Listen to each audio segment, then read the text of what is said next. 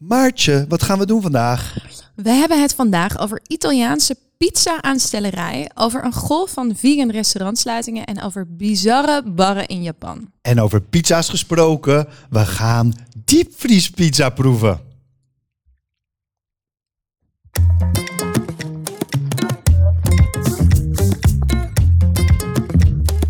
Professionele eters Maartje Nelissen en Gijsbrecht Brouwer vreten zich sneller door het laatste foodnieuws dan door een zak M&M's. In Backlekker de podcast delen ze om de week wat hun smaakte, verbaasde en irriteerde. De lekkerste ontdekkingen, licht verteerbare eetweetjes en verse trends. De foodpodcast voor iedereen die beter kan eten dan koken. Zal ik weer eens beginnen met ons persoonlijke foodnieuws? Want ik heb best wel groot nieuws. Groot nieuws. Tadam, tadam, tadam, tadam. Ja, ik had toch behoefte om wat, eh, wat uit te leggen aan onze luisteraars. Want ik dacht voordat Tadam, tadam, tadam. onze luisteraars denken dat ik echt wansmaak heb. Want ik ben Tadam, natuurlijk heel eerlijk tadam, geweest tadam. in mijn snoep cravings. Ik dacht, ik moet even uitleggen waarom ik van die Nou, vertel. zoetbehoeftes heb. Ik ben een baby aan het maken. Oh, Ja. gefeliciteerd.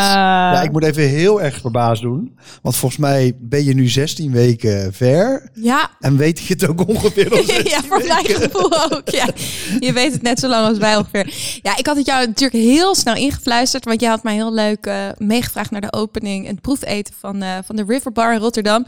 En ik dacht, ook al kom ik met de auto. Als je mij niet in ieder geval één glas champagne ziet lurken. En een oester ziet weigeren. Is, eh, Ja, ik dacht, jij hebt mij echt meteen, je hebt me echt meteen door. Maar dat viel dus eigenlijk heel, heel erg mee. Ja. Nee, dus eh, en daar ben je toch podcastmatties voor, weet je. Ja. Maar ik ben wel blij. Ik bedoel, ik wil, ik, fijn dat je dit soort dingen met me deelt. Maar ik ben wel blij dat ik niet gewoon al die gekke cravings van jou hoef te delen. Oh, dat snap zit, ik. eh, voor te Oh. excuseren. Kan je er nog even... Ja, hoe ik zit zou- je nu in elkaar? Hoe zit je lijf nu in elkaar? Wat gebeurt er? Waar heb je zin in? Het, nou, het is, het is wisselend. Ik heb vooral een what not to eat list. Oh. Eh, want er is al veel weer uitgekomen.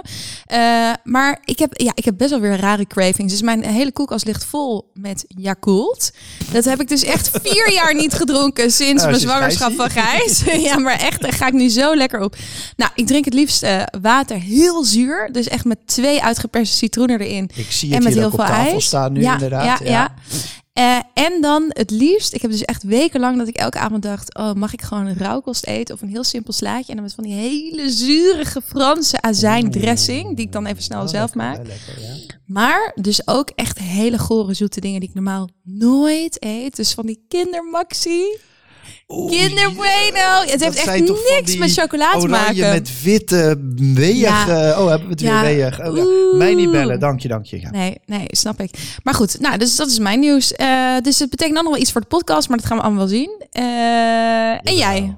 Ja, ik heb. eh, ja, ik was eigenlijk laatst eten bij een van mijn favoriete restaurantjes, San Frou Frou. Zo'n lekkere naam. Zonder gedoe betekent het op zijn Frans. Heel En leuk. het is ook een zaak zonder gedoe. Ehm, Ja, jij stuurde, mij, jij stuurde mij een foto en toen was ik meteen jaloers. En ik weet niet of je het hebt onthouden. ja, Maar ja, jij, had, jij stuurde mij een foto van die eh, mini courgette met gevulde courgettebloem. Ja, En die hebben wij ook gegeten bij Tres. ja Oh. dit was, maar deze was echt. Maar goed, lekker. maar je, je, klinkt... Dus ik was heel enthousiast over jouw foto. Alleen al, maar je bent toch een beetje... Je kijkt er een beetje verdrietig bij. Ja, ik ben een beetje beteuterd. En dan om Oh. twee redenen. Want ze gaan stoppen. Oh, echt? Waarom? Ja, eh, eh, weet je, ik vertrek. Ze hebben Oh, alles verkocht. maar dan Twee- met ervaring. Ja. Dat mag ook wel eens een keer, ja. Twee woonboten verkocht, eh pandje Niet. verkocht, alles. En ze gaan naar de Ardennen toe. Dus Oh, ja, toch wel jammer. Ik hoop dat ze daar weer iets leuks beginnen waar we ook langs kunnen komen. Maar ehm, Leuk. En wat is, wat is het tweede dan? nou, het is een, het, het, het, het concept daar, ik mag het geen concept noemen, maar je zit daar en je krijgt gewoon lekker wijn bijgeschonken. En eh, ze importeren vaak hun eigen wijnen, maar ze hebben ook een hele mooie backbar hebben ze. Met Armagnac en met cognac en allemaal van die klassieke Franse Mm. drankjes. En die moest op. Niet. Ja. Oh, wat gevaarlijk. Dus ik ging iets proberen wat ik nog nooit in mijn leven geprobeerd heb. Moet jij raden wat? Oh, ik zat meteen op het niveau eh krabhersenen van Restaurant Europa, wat je vorige keer vertelde. Maar iets wat jij nog nooit hebt geprobeerd qua drankje. Ja, ik... eh, Absint. Oh, Ja. heb ik ook nog nooit gedronken, denk nou, ik. Was het niet lekker? doen. Vies. Goor. Ja? Echt, ja. soort alsof je mondwater aan het drinken bent. weet je Oh, wel. dat vind ik ook zo En vies ook zo'n ruiken. kleurtje, een beetje kleurtje van koelvloeistof. Dus wij zaten, we zaten met z'n drieën. En eh, eh, ik was met Mickey en, en zijn vriendin Tishanti. Tishanti zei meteen, ik neem het niet. Mickey en ik het nog zo heel stoer opdrinken met z'n tweeën. Uiteindelijk maar weggeschot, want we hadden ook nog veel te veel ingeschonken. Oh. Maar wie heeft er nou absint in huis? Nou ja, dat hoort wel bij Wat de game die zij doen. Maar, Wanneer ja, gaan ze dicht? Kunnen we er nog heen? en nee, deze, ja, heel kort nog maar. Het is voor mij helemaal Oh. uitverkocht. Dus, eh, maar het hakte. te- ik werd de volgende dag wakker, joh. Ik Helemaal denk, oh, helemaal prima. En in de loop van de dag, ik werd met een partij beroerd. Ik was echt pas in de Ah, loop ja, toch van een beetje zwangerschapssympathie. eh, sym- sympathie. sympathie. Ja, dat zal Ja. zijn. Dat ik misschien dat ik gewoon mee, mee kotsend word met jou samen. ja, precies. Ja, maar in ieder geval heeft Absint zijn naam wel weer eh, eer aangedaan. Ik, mijn oor zit er gelukkig nog aan. Ik ben niet zoals Vincent van Gogh dat ik die gelijk afgehaald heb. Ik had wel bizarre dromen ook die nacht. Dus ja, Ja? nee, het is best crazy spul. Ik kan niet anders Nou, zeggen. zitten we toch meer op één lijn dan ik dacht. Ik ja. droom van die hele rare dromen. Hey, dankjewel dat jij weer luistert. Wil je nou nooit meer foodnieuws missen? Klik dan op het belletje in Spotify. Dan ben je geabonneerd. Of abonneer je in je andere favoriete podcast app. Ja, of gewoon heel veel luisteren. Dat vinden we gewoon fijn. Vind- doen we het ook voor. Daar doen we het alleen maar voor. En we vinden het ook leuk om gewoon jullie als luisteraar, ja, jullie allemaal daar af en toe aan het woord te laten. En we hebben weer echt een hele leuke, want die reageerde op onze vorige aflevering. En voor mensen die dat niet weten, dat is dan aflevering 24. En daar hadden we het over TikTok Candy Crush. En eh, we hebben het heel veel geluk eh, met ons netwerk, dan ook dan weer met onze luisteraars. Want Janneke van Wanrooy, die is letterlijk snoepuitvinder. Die werkt bij Cloetta, het grootste snoepbedrijf van Europa. En daar is ze de chef van de wereldwijde marketing. En dan is ze ook nog eens een keer moeder van Morris en Ele- Eleanor. Sorry, Eleanor. En eh, nou ja, nu moet je maar even luisteren, want het is een hele leuke voice memo. Hey Gijsbrecht en Maartje, wat een leuke aflevering, eh, die Candy Crush. Ik heb met plezier zitten luisteren en jullie hebben het heel goed gespot. Candy is echt hot, zeker op social media. Eh, ik zie het aan mijn zoontje Morris, die heeft ook van zijn zakgeld, het allereerste wat hij ooit van zijn zakgeld gekocht had, is Toxic Waste snoep, super zuur. Nou, hij vond het helemaal niet lekker uiteindelijk, maar hij was helemaal happy ermee. Ehm, en je ziet het inderdaad overal op social media dat iedereen met snoep aan het experimenteren is. Maar ik heb even een vraag eh, over jullie. Eh ben even benieuwd wat jullie favoriete snoepje is. Kan die van mij alvast verklappen? Ik ben helemaal dol op de drop fruit duo's. Die van Redbed, maar dan niet de normale, maar eh, die gemaakt zijn van echt fruit. Er zit volgens mij 50% eh, fruitpuree in. Nou, die zijn echt waanzinnig lekker. Zeker een keer proberen. Oké, doei! Dat was Janneke, Global Marketing en Sustainability Manager bij het snoepmerk Cloetta. En ja, ze stelde ons natuurlijk een hele leuke vraag van hè, wat is dan onze favoriete snoep? Nou, ik, voor mij geldt dus alles wat heel zuur is, dus al die groene zure matten. Maar echt mijn lievelings is van Klepper en Klepper de beste drop ooit. En dan die zouten, die zo in de vorm van een ruitje zijn. Oh, die vind ik zo lekker. Klassiek drop, inderdaad. Ja, en jij? Ja, ik, heb, ik eet helemaal niet zoveel snoep. Alleen als ik in een soort van echte hangry of foute cravings momentje ben. En wat ik dan het allerliefste doe, is gewoon de Jamin binnenlopen. En dan gewoon met de grootste zak die ze hebben, vol gaan scheppen. En dan gaat Oh, soms wel is zo 600 gevaarlijk. of 700 gram in. Hè? Echt bies. En die kan ook dezelfde avond dan nog op. Maar dan ben ik wel Oeh. echt, eh, dan heb ik hem wel gehad, zeg maar. Dan word ik ongeveer net zo En, maar wat schep je dan? Wat schep je dan? Nou ja, eh, begin altijd met schuimblokken en met spekken. Oh, Roze ja. en geel. En dan chocotofs gaan er vaak in. Perziken gaan er vaak in, weet je wel.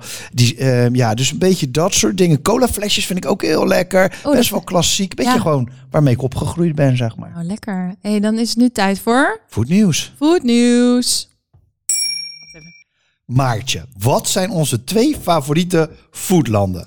Ja, sowieso Japan en Italië. Ja, dat weten onze vaste luisteraars al lang, maar toch, we houden hem er even in. Want ze zitten allebei in onze Ja, aflevering vandaag. heerlijk. En ik hou van Italië, want daar gaan we even mee beginnen. Wat is het eerste wat in jou opkomt bij Italië? Ja, ik denk, ik denk dus echt meteen aan wijn natuurlijk, aan pasta, pasta, en pizza, en natuurlijk pure ingrediënten. En ja, ik denk eh, aan Italiaanse kazen en worsten, waar we het in aflevering 22 over hadden. Maar ook wel de nonna's uit, uit de Bertolli olijfoliereclame. Allemaal zo authentiek. La Ah, Dolce Vita. Ik had het echt niet beter kunnen verwoorden. Echt Italiaans. Uit de bergen. Uit de boerderijen. Volledig echt. Ja, jij houdt mij eh, bij de. Jij neemt mij bij de Italiaanse neus. Ja, ik ben je in de maling aan het nemen. Want het is natuurlijk een. eh, we hebben echt super grappig nieuws. Italië is rep en roer. Want er is dus een Italiaanse voedselhystericus, wou ik zeggen. Historicus. Een Ook. historicus en een historicus. Ja. Een Italiaanse, mind you, dus geen Franse, geen Ja. Spaanse, geen Engelse. Niet iemand die Italië in hak wil zetten. Mm. Maar gewoon een echte Italiaan. En die zegt dus dat bijna al die bekende Italiaanse gerechten dat dat, ja, die komen voort of uit marketing, of bestaan pas heel recent, Ja. of komen eigenlijk via de band in Italië. Dus via Amerika, via Engeland, via Frankrijk. Zijn helemaal niet zo origineel tussen aanhalingstekens. Italiaans. Ja, of, of net zo authentiek als de oma's uit de, uit de Bertolli-reclames. Van Unilever vroeger, ja. Er was in Italië inderdaad echt, echt een eetrel gaande. Het land was in rep en roer. Want eten in Italië is gewoon een hele serieuze zaak. En er wordt in Italië ook wel gesproken over gastronationalisten. Oeh, wat een lekkere term. Gastronationalisten. Ik zie ze staan op de barricade. Natuurlijk niet op de echte barricade, maar op, de, de Twitter, Twitter, ja. barricade. En dan, ja, dan is het oké. maar oké, Alberto Grande, dus hè, onze voedselhistoricus, is in korte tijd is hij eigenlijk heel bekend geworden in Italië. Maar hij is al jaren bezig met gewoon eigenlijk een soort van de voedselmits te debunken. Dus hij had een interview in de Financial Times recent en dat kwam min of meer tegelijk met het moment dat die nieuwe, we hebben het al vaker over me gehad, die nieuwe landbouwminister en voedselsoevereiniteit, dat die met dat kweekvlees bezig was. En wat ook tegelijk kwam, was de aankondiging dat de regering de Italiaanse keuken voordraagt als UNESCO Werelderfgoed. ja, Dus ja. Alles kwam samen. Nou, en wat je al mooi zegt, Grandi die heeft er echt zijn carrière aan gewijd. Dus die is er al decennia mee bezig. Om die mythes rondom Italiaans eten eh, te ontleden. En, eh, en ja, soort van waar, waar, waar komt het vandaan? Ja. Eh, en hou je vast. Het gaat dus om gerechten zoals een pizza, een pasta carbonara. Maar hij heeft het ook over de authenticiteit van panettone, over tiramisu en parmezaan. Ja, zo grappig. Allemaal van die dingen waar Italianen zelf al heel streng op zijn. Weet je wel, van de carbonara mag echt geen room in. Geen room, met Nou ja, ei, ja. Carbonara is gewoon uitgevonden door de Amerikanen. En die hebben het na de oorlog kwamen ze met de, hadden ze de bevrijding. Al die Italianen die eerst naar Amerika waren verhuisd, toen weer terugkwamen, hadden ontdekt wat bacon was in Amerika. Namen dat mee en gaan. Hetzelfde geldt voor de pizzeria's. Ja. Ook eerst uit een klein plekje, een paar plekjes was het in Zuid-Italië, is naar Amerika gegaan. Daar is het groot geworden. En met de bevrijding kwam het pas weer terug naar Amerika. In, je, in, in Milaan in de jaren 70 kon je echt net zo makkelijk een pizzeria vinden als dat je in de jaren 90 een sushi tent daar kon vinden. Het is allemaal maar heel recent. Ja, het is, het klopt. En we zijn er toch allemaal heel erg hard en mooi ingetrapt. Eh, ik snap het ook wel. Kijk, eh, die Italiaanse economie die draait ongeveer om eh, eten. Ik las dat de Italiaanse voedselproductie in 2021 goed was voor 575 miljard. En dat is 25% van het bruto nationaal product. Is echt heel veel. Een kwart van de economie dus draait Ja. om eten. Dat is ja, niet, ook weer niet zo gek dat ze dan een beetje geld aan marketing uitgeven. Hè. Dat krijg je gewoon netjes Ja. geleerd. Dus ja, Ja, dus we zien, Italië doet eigenlijk zijn marketing als land, zoals een Coca-Cola of Heineken het als bedrijf doen. precies. En dan is de vraag, ja, vinden wij dat als liefhebbers van eten, als foodies en onze luisteraars, ja, vinden wij dat erg? Ja, vinden wij dat nou echt erg of niet? Kijk, Ja, jij doet zo. Een beetje zo'n Ja. Italiaans handje erbij. Ja. Ja. wij willen natuurlijk gewoon in de maling genomen worden als mens. En ik Ja. ben zelf opgeleid als marketeer. Ehm, dus ik zit daar niet zo mee. Ik vind wel, wat ik tof vind, is dat ze het zo geraffineerd spelen. Mm. Dus niet zo van als Coca-Cola de hele tijd heel groot je merkt. Wat ook knap is, maar op een Ja. andere manier. Ja. Maar nee, met die DOP's en die DOCG's. En de authenticiteit eromheen. En de trots, De ja. trots. En het inderdaad elkaar vliegen afvangen of je het wel goed doet. Ja, ja. Nee, ik, ja, ik, eh, mm, ik word er ook een beetje kriegelig van. Dus uiteindelijk denk ik, ja, het staat namelijk innovatie en duurzaamheid denk ik ook wel een beetje in de weg. Zoals dat kweekvlees, hè? Ja. dat nog voordat het op de markt komt, als eerste werd verboden in Italië. eh, vanwege die aantasting van de authentische Oh, eetcultuur. Ja. Ja, en soms is het gewoon ook bijna bedrog. Dus hè, die varkens die eh, heel Europa worden eh, doorgereden en in Italië worden geslacht. of gewoon alleen het labeltje Panama ham krijgen. Ja, dat vind ik echt nergens op slaan. Nee, en dat is natuurlijk wel vaker met marketing. Het kan ook gewoon op een gegeven moment nep worden. Maar ik ben wel een romanticus. En ik ben ook een sukker voor marketing.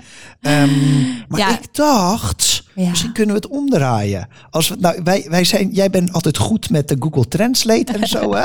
Eh, vorige keer ook met dat kweekvlees. Dus stel dat we nou een nieuw label verzinnen. We verzinnen een nieuw label. Ja. Ehm, ik heb hem even door Google Translate Ja, gegooid. en- en ik dacht aan Zeg, zeg het. Generato dalla Marketing Italiana. De G- GDMI. Precies. Eh, gewoon een gevolg van die goede Italiaanse marketing. Precies, Gewoon ja. de voorkant van de olijfolie graag. Eh, zeker. Nou, die kwam ook meteen op de Parmigiano. Oeh. Die, die deed wel een beetje pijn. Ja, het was hè? toch alweer nog een droom aan Gort, weet je wel. Eh, van die pizza had ik trouw- trouwens ook wel een beetje eerlijk gezegd. Maar heb jij gehoord, dit is nog wel een hele lekkere, Oh. dat de minister van Landbouw en Voedselsoevereiniteit, waar we het vorige keer ook over Ja, hadden, daar is die. Lollo Brigada, voorstelde dat er een voedselpolitie komt in het buitenland die gaat controleren of Italiaanse gerechten wel correct zijn klaargemaakt. Ja, die Lolo Brigada doet zijn media goed. En je ruikt ook meteen dat fascistische tintje Ja, erachteraan. Dan laten we maar gewoon politie over de hele wereld gaan ja, sturen. ja, Ehm, ja, ehm, zou jij een Italiaanse voedselchef willen worden? Ja. Nou, ik eet echt niet altijd eh, cultureel erfgoed. Maar ik moet wel zeggen, die Italiaanse keuken dit is me wel heel, heel nauw aan het hart.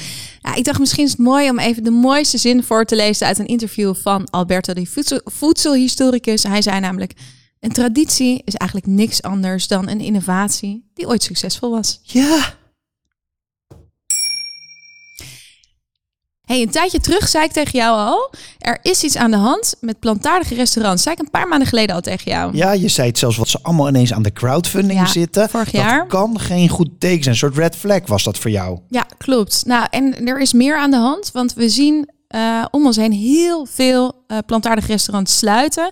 Jij en ik kennen chef en eigenaar Pepijn Smijk van Loco heel goed. Nou, die hebben Zeker. kort geleden hun deuren gesloten. Wouter Staal van jo, voorheen Yogurt nu YB, die kondigde aan dat al zijn zaken dichtgaan. Een hele trits. En Ja. toen post een vegan Instagram-account recentelijk een rijtje restaurants wat ook nog dicht gaan. Dat is echt veel. Dus naast Local en YB ook nog Dear Mama, Ve Vegabond en de kaaswinkel van Willy Croft. Ja, en zag ik dat Hans, eh, onze hoofdredacteur van de Buik van Amsterdam, ook nog had gespot dat Mr. en Mrs. Watson Ja. stopt. Die gaan helemaal alleen maar vegan kaas maken. En de, de, de grote namen van hè, de vegan junkfood bar, dat soort dingen, die gaan ook ineens helemaal niet zo hard meer. Wat vind jij daar nou van als duurzaamheidsstrijder? Nou, heel eerlijk, ik vind daar dus wel echt wat van. Maar ik vroeg mezelf ook wel af van hoe vaak kom ik nou echt... Ik eet het liefst plantaardig of vegan, maar hoe vaak kom ik nou bij zo'n zaak? En dat valt dan wel weer mee. Nou, dan sla je de spijker dus precies op de kop wat mij betreft. Want in heel Nederland is nog geen 1% is vegan. Dus ongeveer 5% is vega. Amsterdam zal dat misschien ietsjes meer zijn als Ja. je dat verdeelt over het hele land. Maar er worden vervolgens in een periode van net voor corona, tijdens corona, tientallen nieuwe concepten gelanceerd. Die allemaal volledig plantaardig zijn. En waarvan sommigen ook nog eens een keer denken dat ze de nieuwe McDonald's gaan worden. Dan denk ik, Veel, veel denken en dan dat. denk ja. ik, je gaat je op 99, 99% van die mensen heeft geen boodschap hieraan. Die willen gewoon lekker eten of die willen een goede ervaring. Die willen niet iets wat vegan is. Ja. Nou, nou kwam ik wel echt best wel regelmatig bij Local. Ook voor bijvoorbeeld een heel leuk pop- pop- pop-up diner met Vanja van der Leden. En omdat gewoon alles daar echt heel lekker is. Ja, voor mij is dat ook weer een signaal. Want ik kwam eh, minder. In, bij Jack Bean kwam ik nog wel eens. Maar bij de vorige restaurants van Pepijn in Rotterdam kwam ik heel vaak. Want hij is Ja. echt een topchef. Ja. Dus dat, dat met, zelfs met zijn smaakkwaliteit dit niet van de grond komt. Is ook nog wel dat het. Het is nog niet. Het is of geen sustainable business model. Of nog geen sustainable business model. Ja. Ja, ik denk het laatste wat je zegt. Nou, in het parool kwamen we toevallig ook een opiniestuk tegen. En de auteur daarvan, die focust ook op de rol van de gemeente. Dus hij zegt, in een stad als Amsterdam, waar we 22 vestigingen hebben van de McDonald's, zegt hij, gemeente, kom op, red gezond voedsel en bedenk een overlevingsplan. En hij vindt het eigenlijk onbegrijpelijk dat een stad als Amsterdam dit laat gebeuren.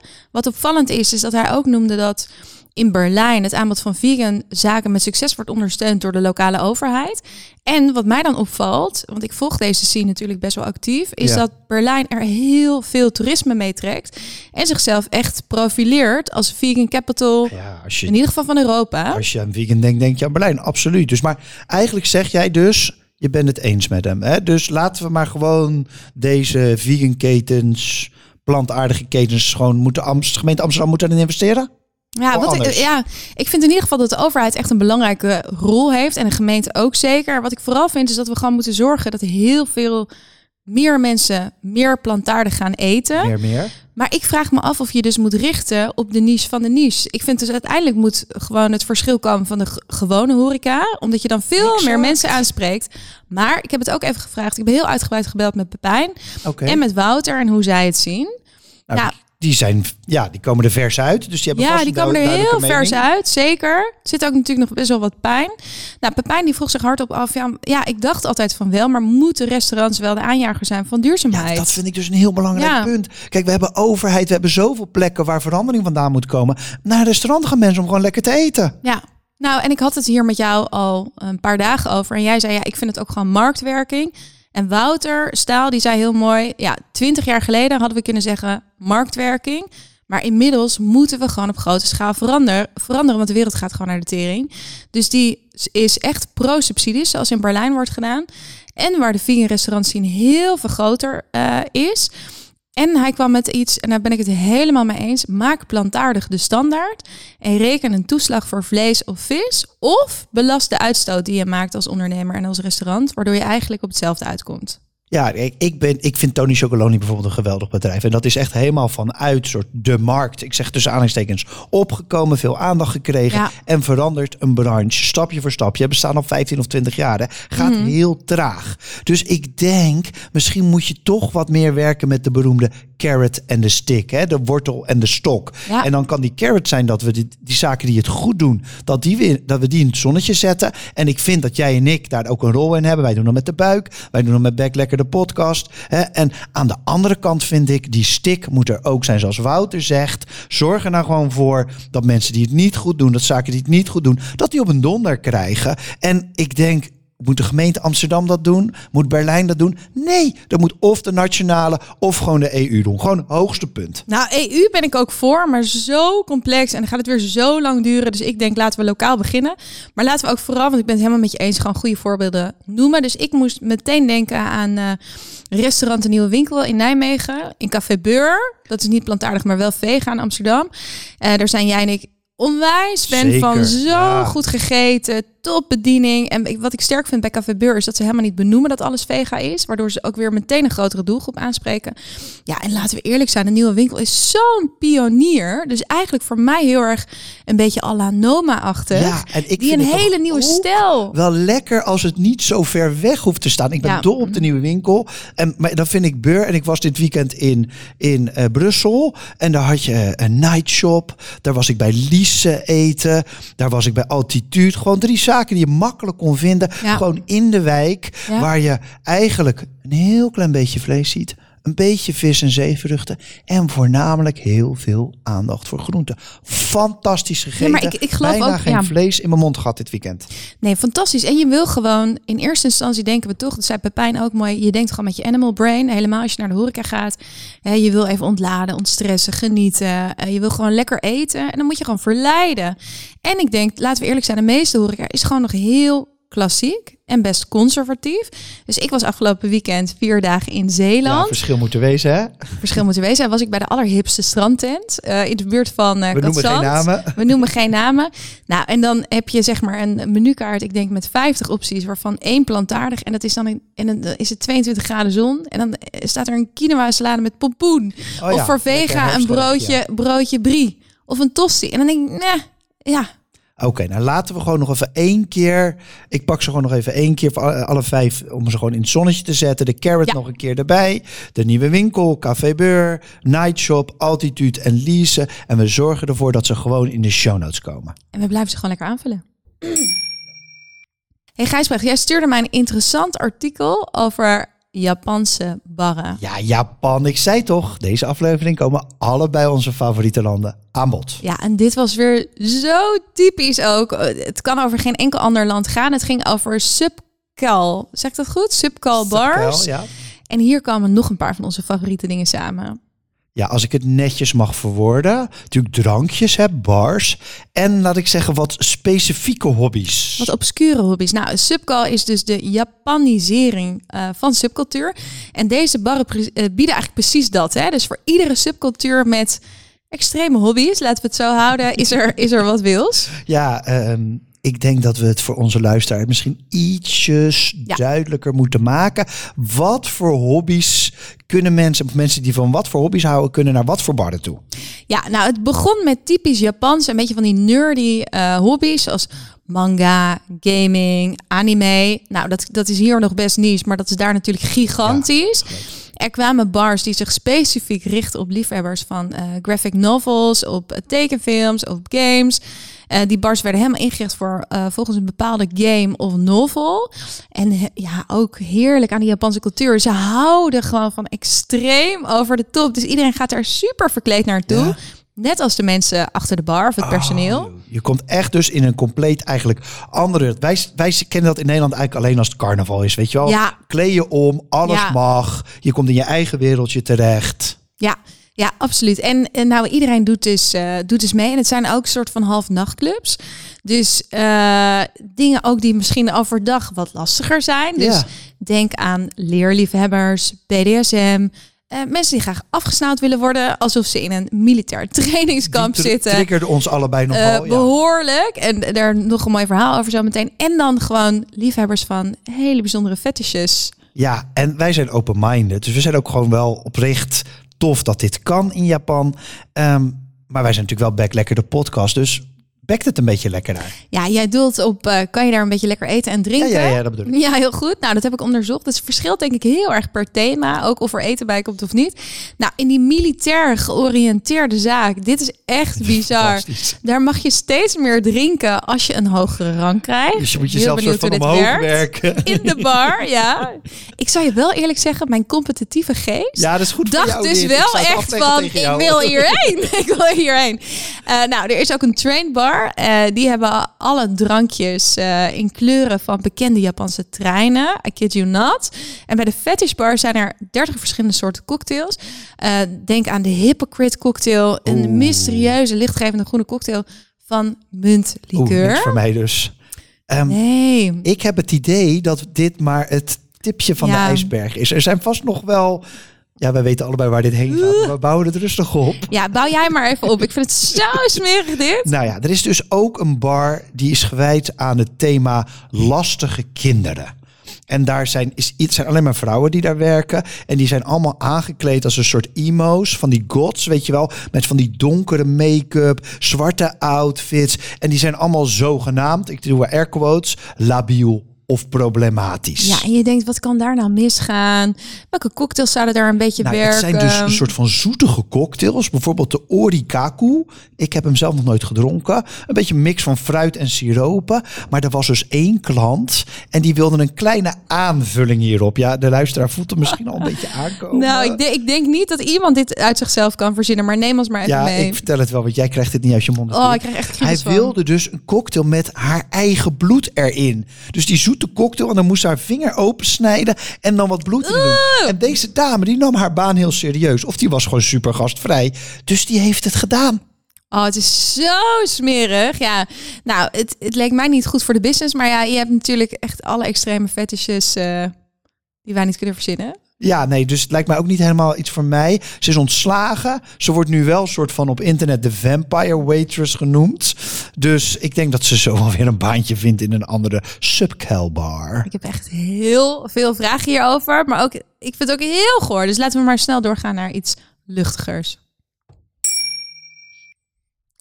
Kermis in je bek. We gaan weer lekker proeven en onze producer Faisal proeft weer mee. Ja. We proeven diepvriespizza's.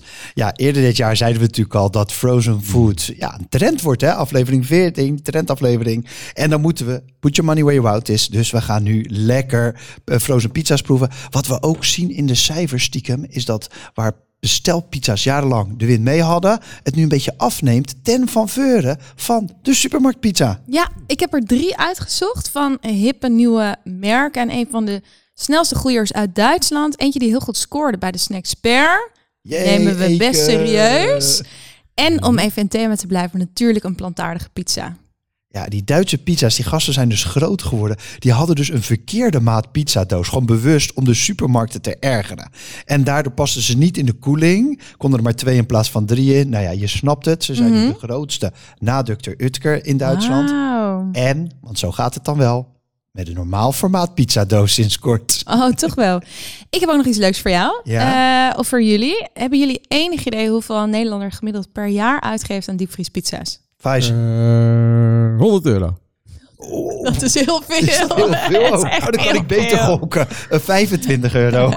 Nou, in 2020 was het eh 14,65. No, dat zijn Oh. twee Dat vond ik heel weinig. Ja, ik denk voor de meeste mensen drie of vier. Oh ja, oké, oké, oké. Nou gaan we beginnen. Dus we hebben als Beginnen eerste de pizza, eh, de Crosta Pizza Margherita.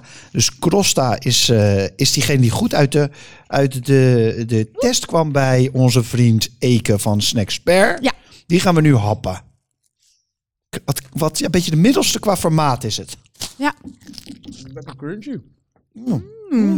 Oh, best goed dus. Ik vind de tomatensaus heel lekker. Ja. Die is een beetje zoet, een beetje zuur. Ja. Smaakverhouding is goed. En de crunch is goed. Ja. Maar oké. Goeie crunch. Nummer het is twee. allemaal pizza margarita trouwens. Dat is nog goed om even maar te... Doen we de Gustavo Gusto. Dat zijn die Duitse pizza's. Die met, die, met dat Oh ja, andere formaat. Met die andere doos, wat jij zei. ja. Hier zit wel echt wat meer kaas op. Dat zie je wel, hè? En hij is wat platter, is die gevoelsmatig. Wat minder Ja. hoog gekorst heeft hij. Klopt.